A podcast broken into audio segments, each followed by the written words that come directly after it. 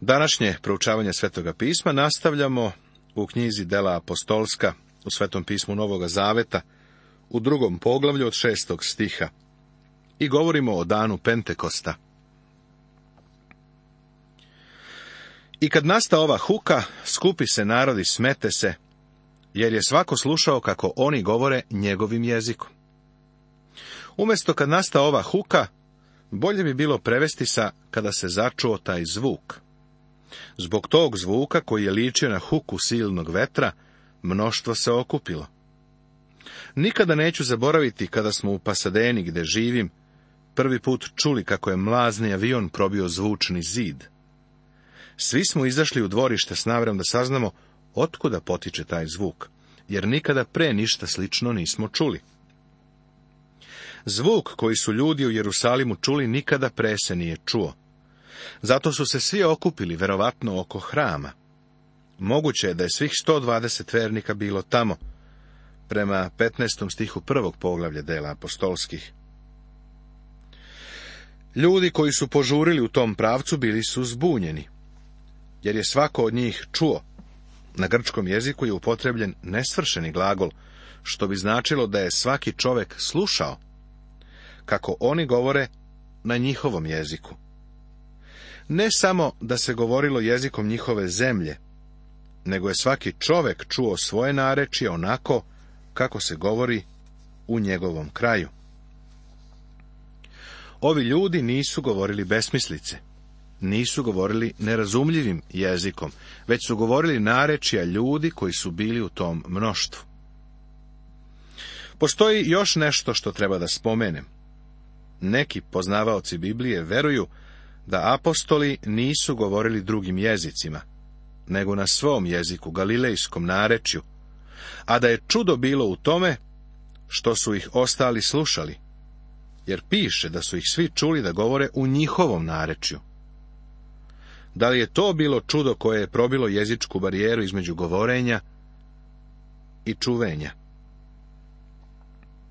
Svi su se divili i čudili govoreći, gle, zar nisu svi ovi što govore Galilejci?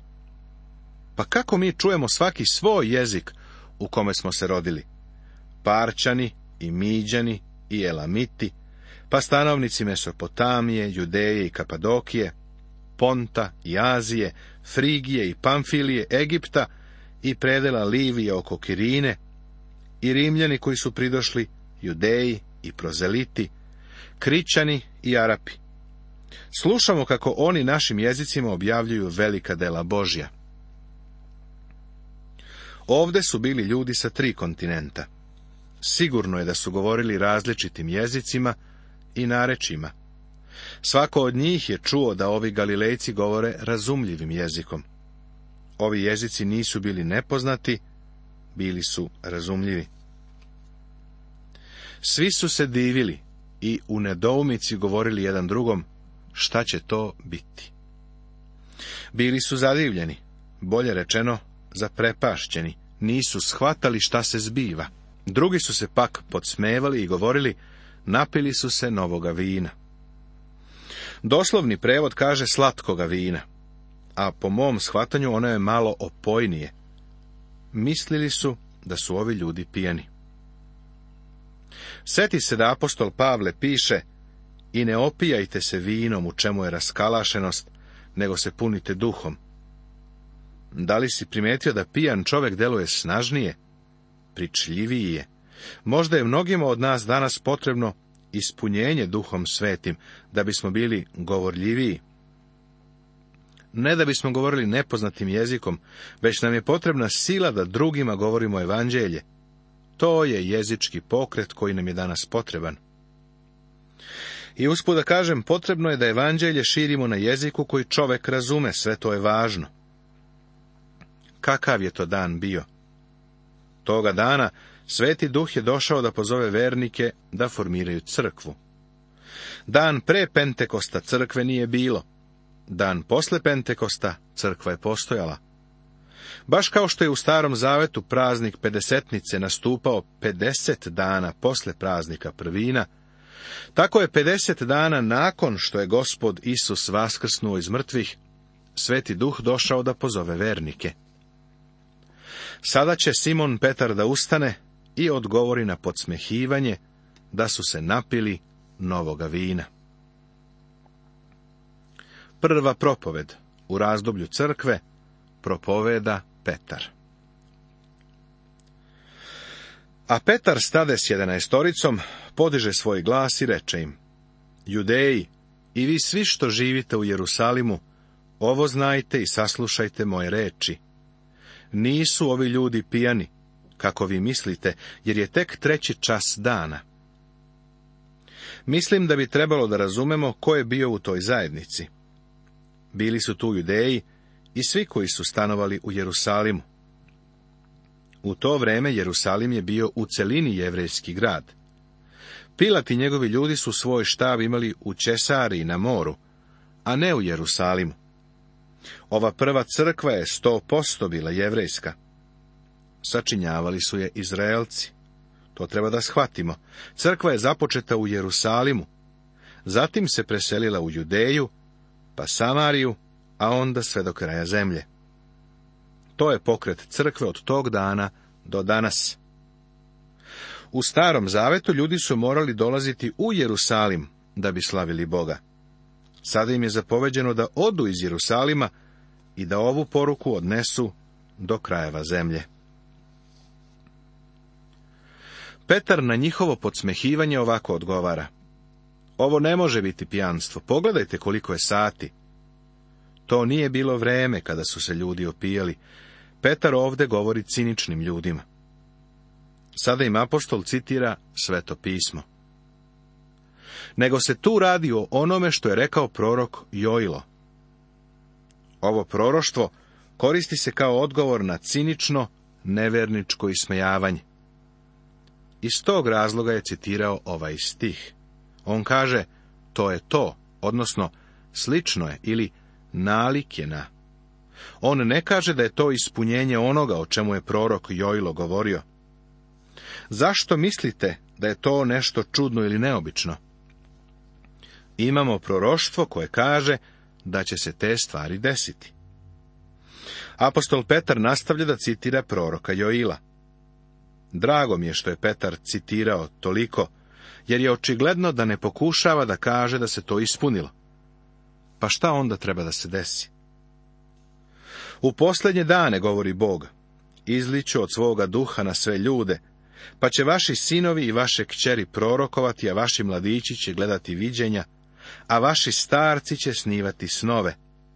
Pa i na svoje sluge i svoje sluškinje izliću od svoga duha u one dane i prorokovaće. Činit ću čudesa gore na nebu i znake dole na zemlji, krv i oganj i pušanje dima. Sunce će se pretvoriti u tamu i mesecu krv, pre nego što dođe veliki i slavni dan gospodnji i bit će spasen svako ko prizove ime gospodnje. Ne verujem da bi iko tvrdio da se na dan Pentekosta mesec pretvorio u krv ili sunce u tamu.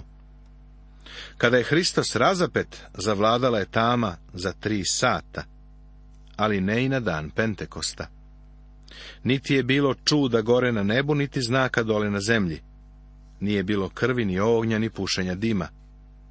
Simon Petar navodi ovaj odaljak ljudima koji se podsmehuju da bi im pokazao da izliće svetoga duha ne bi trebalo da im bude čudno.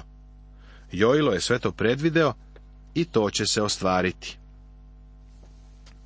Prijatelju, sve do današnjeg dana Jojlo drugo poglavlje od 28. do 32. stiha se nije ispunio. Ako pogledamo knjigu proroka Jojla, vidjet ćemo da on mnogo govori o danu gospodnjem, Dan gospodnji će početi sa periodom velike nevolje. Nastavit će se kroz hiljadugodišnje carstvo. U tri poglavlja proroka joila dan gospodnji se spominje pet puta. Jojlo govori o činjenici da je to vreme rata, vreme suda nad zemljom. Ovo se još nije ispunilo. Nije se ispunilo ni na dan Pentekosta. Samo kada bismo mogli da vidimo kako Simon Petar u uvodu govori, vidite nije to ništa čudno, ništa neobično. Dolazi dan kada će se sve ovo ispuniti. A danas gledamo nešto što liči na to. Posle uvoda apostol Petar prelazi na tekst. Seti se da govori ljudima koji poznaju stari zavet. Ne trudi se da ovim razumeš ili objasniš 2000 godina dugu istoriju crkve, jer dan Pentekosta je tek početak crkve. Ovo je njen začetak. Petar se očigledno obraća jevrejima, ljudi, Izraeljci. Ne kaže ljudi iz Južne Europe, govori Izraelcima. A sada prelazi na suštinu, prelazi na samu srž. Ljudi Izraelci čujte ove reči. Bog je u vašoj sredini potvrdio Isusa Nazarećanina silama, čudima i znacima, što je Bog preko njega učinio među vama, kao što sami znate. Lično smatram da se čuda i znaci potpuno razlikuju. Verujem da su čuda činjena iz jednog razloga, sile iz drugog, a znaci iz trećeg razloga. Isus jeste činio neke stvari koje su bile znaci, neka čuda isceljenja su činjena da bi privukao pažnju slušalaca. U te tri oblasti je gospod delovao. Njega ste vi, pošto je predan po određenoj volji i promislu Božjem, preko ruku bezakonika prikovali na krst i ubili, ali ga Bog oslobodi smrtnih bolova i podiže ga, jer nije bilo mogućno da ga smrt drži. Petar kaže da ono što se dogodilo nije u suprotnosti sa Božijim planom. To nije nešto što je Boga iznenadilo. Međutim, apostol Petar vrlo jasno pokazuje da to ljude ne oslobađa odgovornosti. Ko je odgovoran za Hristovo raspeće? Verske strešine su sve to pokrenule. Rekao bih da oni snose veliku krivicu uticali su na ljude i tako proizvodili masovnu reakciju. Također su manipulisali rimskom upravom da bi razapeli Isusa. Seti se, prijatelju, on je bio razapet na rimski krst. Apostol Petar upire prstom na sunarodnike Izraelce. Ali u to vrijeme nije bilo svrhe prepirati se oko toga ko je odgovoran za Hristovu smrt. Reći ću ti ko je za to odgovoran ti i ja. On je umro zbog mojih i tvojih greha. Poslušaj Isusove reči. Otac me ljubi, zato što ja polažem svoj život, da ga opet uzmem. Nikoga ne uzima od mene, nego ga ja sam od sebe polažem. Imam moć da ga položim, a mogu da ga opet uzmem. Ovaj nalog sam primio od svog oca kaže Evanđelje po Jovanu deseto poglavlje, stihovi 17. i 18. Petar govori ljudima koji su direktno bili upleteni u zaveru oko raspeća, pa kaže, njega ste vi, preko ruku bezakonika, prikovali na krsti i ubili. Međutim, ovo nije najvažniji deo te poruke. Apostol Petar nastavlja ali ga Bog oslobodi smrtnih bolova i podiže ga. Propoveda o Hristovom vaskrsenju. Ovo je prva propoved u razdoblju crkve. Ovo je početak. Ovo je dan Pentekosta. Šta je tema? Nije tema Jojlovo proroštvo, prijatelju. Tema je vaskrsenje gospoda Isusa Hrista. Potrudimo se da tu temu ne promenimo. Sada će apostol Petar citirati novi tekst. Navodi psalam 16. od 8. do 10. stiha. Drago mi je što je to učinio, jer mi je od pomoći da bolje shvatim psalam 16. David naime govori za njega. Stalno sam gledao gospoda pred sobom, jer mi je s desne strane, da se ne poljuljam. Zato se razveseli srce moje i obradova se jezik moj. Čak će i telo moje počivati u nadi, jer moju dušu nećeš ostaviti u carstvu smrti, niti ćeš dozvoliti da svetac tvoj istrune. Reč pakao je Šeol. Toga dana bio je Šeol.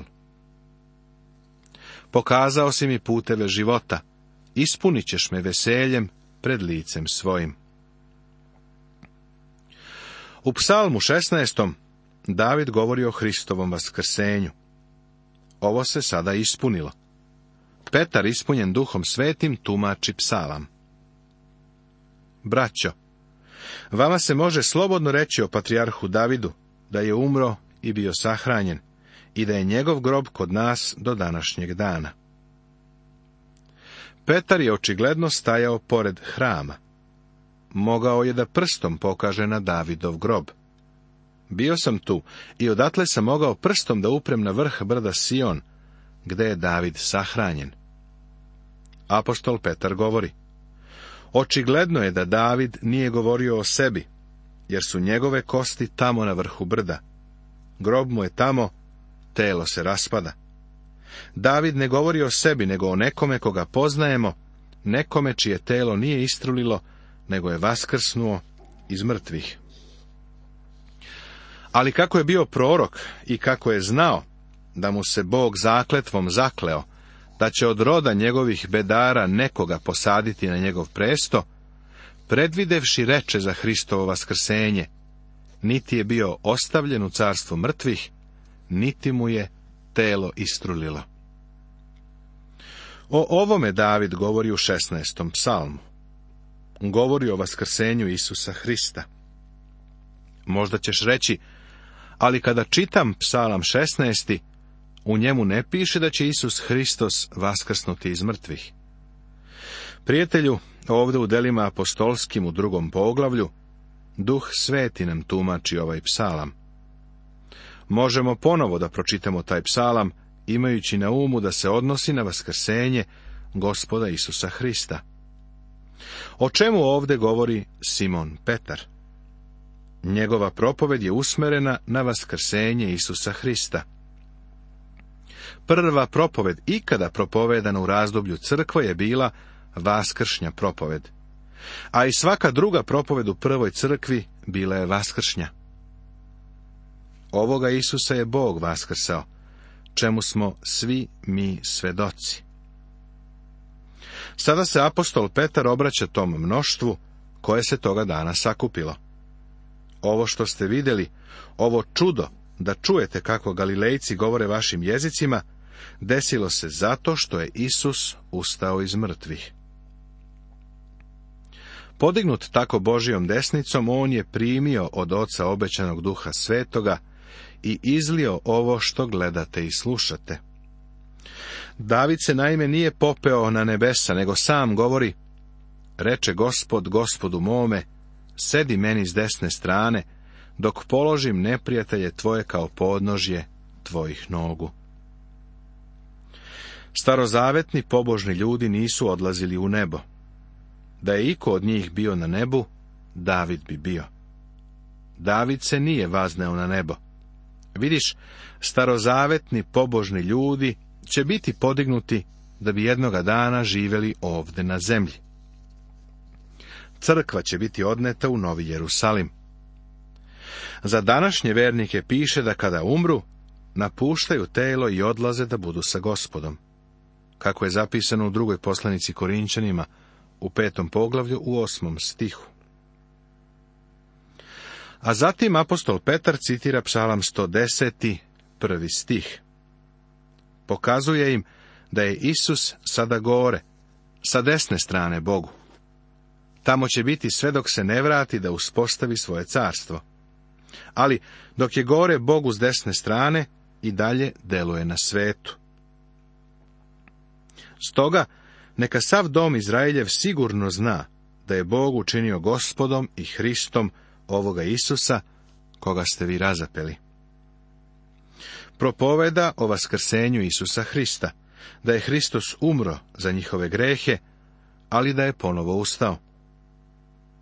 A kad su ovo čuli, kosnu ih u srce, te rekoše Petru i ostalim apostolima, braćo, šta da činimo?